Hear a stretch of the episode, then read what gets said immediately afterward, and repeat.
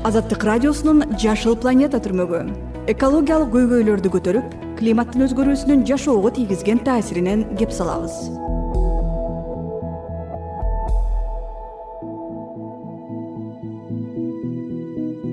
Саламатсызбы? Сиз азаттык радиосунун жашыл планета подкастын уга баштадыңыз. Бүгүнкү чыгарылышта экоактивист кочкор районунун чолпон айылынын тургуну урмат өмүрбеков тууралуу кеңири кеп болот. Менин аты жөнүм мирлан кадыров азыр биз бул э, чолпон айыл аймагынын туз айылынын чоң туз жайлоосунда э, кыштоосунда турабыз. Бул кыштоо кышы менен колдонулат. Э, бул жерде шамал болбой жылуу болот негизи.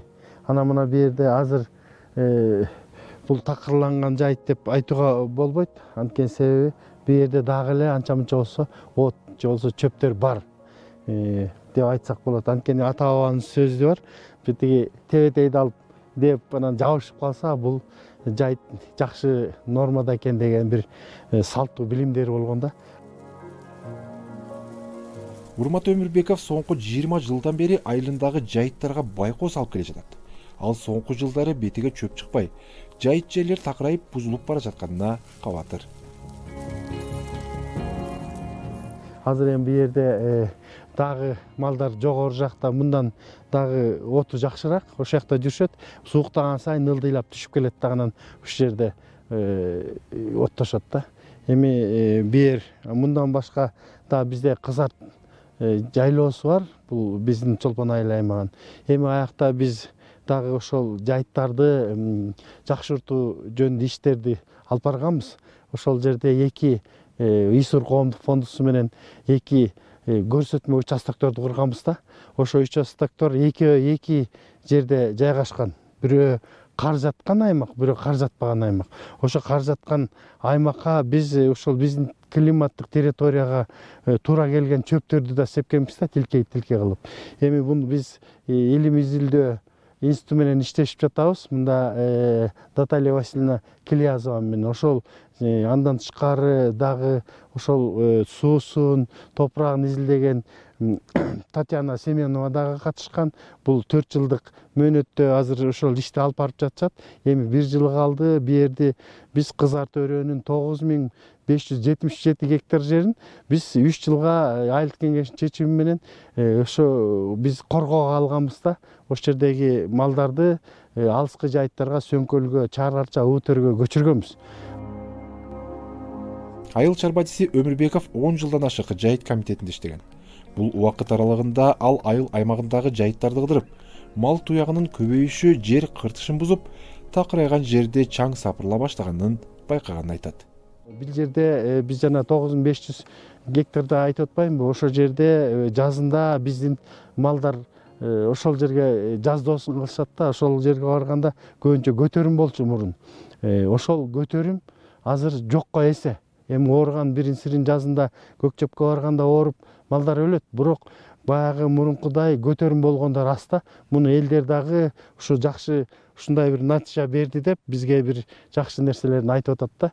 Эми ушуну улантып алыскы жайыттарды колдонсо ошо алыскы жайытка бара турган жолдор көпүрөлөрдү. Эми биз көп нерселер жасадык алыска бара турган э, ошо мал айдөөчү көпүрөнү да салып бергенбиз чаар арча суусуна жашыл планета. Жашыл планета өмүрбеков жашаган чолпон айыл аймагына тийиштүү элүү миң гектарга жакын жайыт жери бар. Маектешибиздин айтымында анын дээрлик жарымы деградацияга учураган. Мындан тышкары соңку жылдары жаан кар жакшы жаабай калгандыктан сайдагы суулар тартылып жайыттарга жана айдоо аянттарына суу жетпей калды. Кургакчылыкты алдын алуу үчүн адис жасалма мөңгү тоңдуруу жолунда изилдей баштаган биз э, жасалма мөңгүгө барып атабыз эми бул жасалма мөңгүнүн Э, максаты ушул жазгы суу каттап ушул биздин ушул туз айылынын жерин сугарганга өтө тартыш болуп калат. Анан бул жерден келген сууга өзүнүн деле суусу бар. Бирок ошол азыркы могу агып аткан суу э, агып аткан суу жөн эле азыр сайга сиңип кетет да. Анан ошону биз сууга кошумча бир сугатка кошумча суу катары ушу мөңгүнү жасап жасаганбыз да. Эми бул жазында ушу биринчи сугатты жакшылап сууну убагы менен Э, сугарып анан убагы менен айдап алсак бул э, элдин түшүмүнө аябай чоң таасирин берет да. Анткени түшүмдүүлүктү көбөйтөт ошондуктан биринчи сугатты биз ушул жасалма мөңгүнүн жардамы менен бир кошумча сууну пайда кылалы деген ниетибиз бар.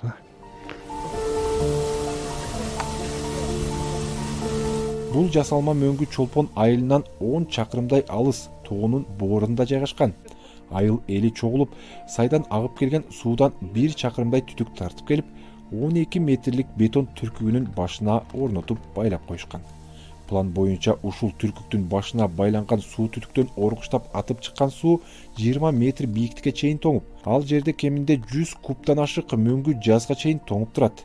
Ал чолпон айыл аймагына караштуу туз айылындагы беш жүз гектардай айдоо жердин биринчи сугатына жеткирей биз барган учурда муздун бийиктиги он метрге жетип калыптыр. Ошонун тегерек четине тетигинде болуп муз каптап толуп анан каарагай койгонбуз. Мына арматуралары да чыдабай үзүлүп кетиптир да. Бул эми биздин максат бул. Өйдө буяк жагы бийик болуп моунун баары муз болмок да. Эми азыр деле атып атат бирок эми муну кайра жасаганга аракет кылабыз. Бул мөңгүнүн максаты э, бул ылдыйкы төмөнкү туз айылынын сугат суусу жайында аз.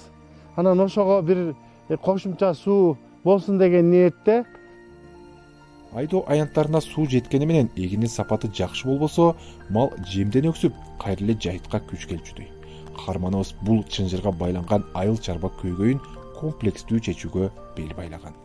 Жайыттарды жанагы калыбына келтирүүдөн бирден бир э, көрсөткүчү болуп ушу биздин түшүмдүүлүктү жогорулап же болбосо тойт базасын Э, чоңойтуу болуп эсептелет да биздин тойтубуз көп болсо ошончолук жайытты азыраак колдонобуз заманбап эгин тазалагыч ошондой эле баардык үрөөн тазалаган аппарат.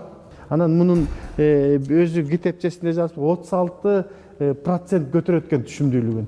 Анан ушундан жалаң бобо менен айдагандар аябай жакшы түшүм алдык деп аябай ыраазы болушту да. Өмүрбеков жайытты сактап калуунун дагы бир негизги жолу катары асыл тукум мал өстүрүүдөн көрөт. Ушул тапта бул айыл өкмөттө эле жыйырма миңден ашык майда жандык он миңдей уй жылкы бар сан эмес сапатка иштей турган учур келди дейт адис. Ушул малдын асылдуулугун э, жогорулатуу максатында эки бука алып келгенбиз абирдин аңыбыз анан ошону элдер аябай адегенде көнбөй ачкан ага да. Анан кийинки жылдары э, музоолорун он беш миң жыйырма миңден сатса аларды отуз кырк миңден эки эсе көп сатып атышты да. Ошондон кийин ал элдер көнүп калды. Азыр ушу элдер э, ошону көрүп алып бир кандайдыр бир деңгээлде малдын асылдуулугун э, арттырууга дагы көңүлүн бура башташты да. Мына азыркы убакта азыр э, ошол букага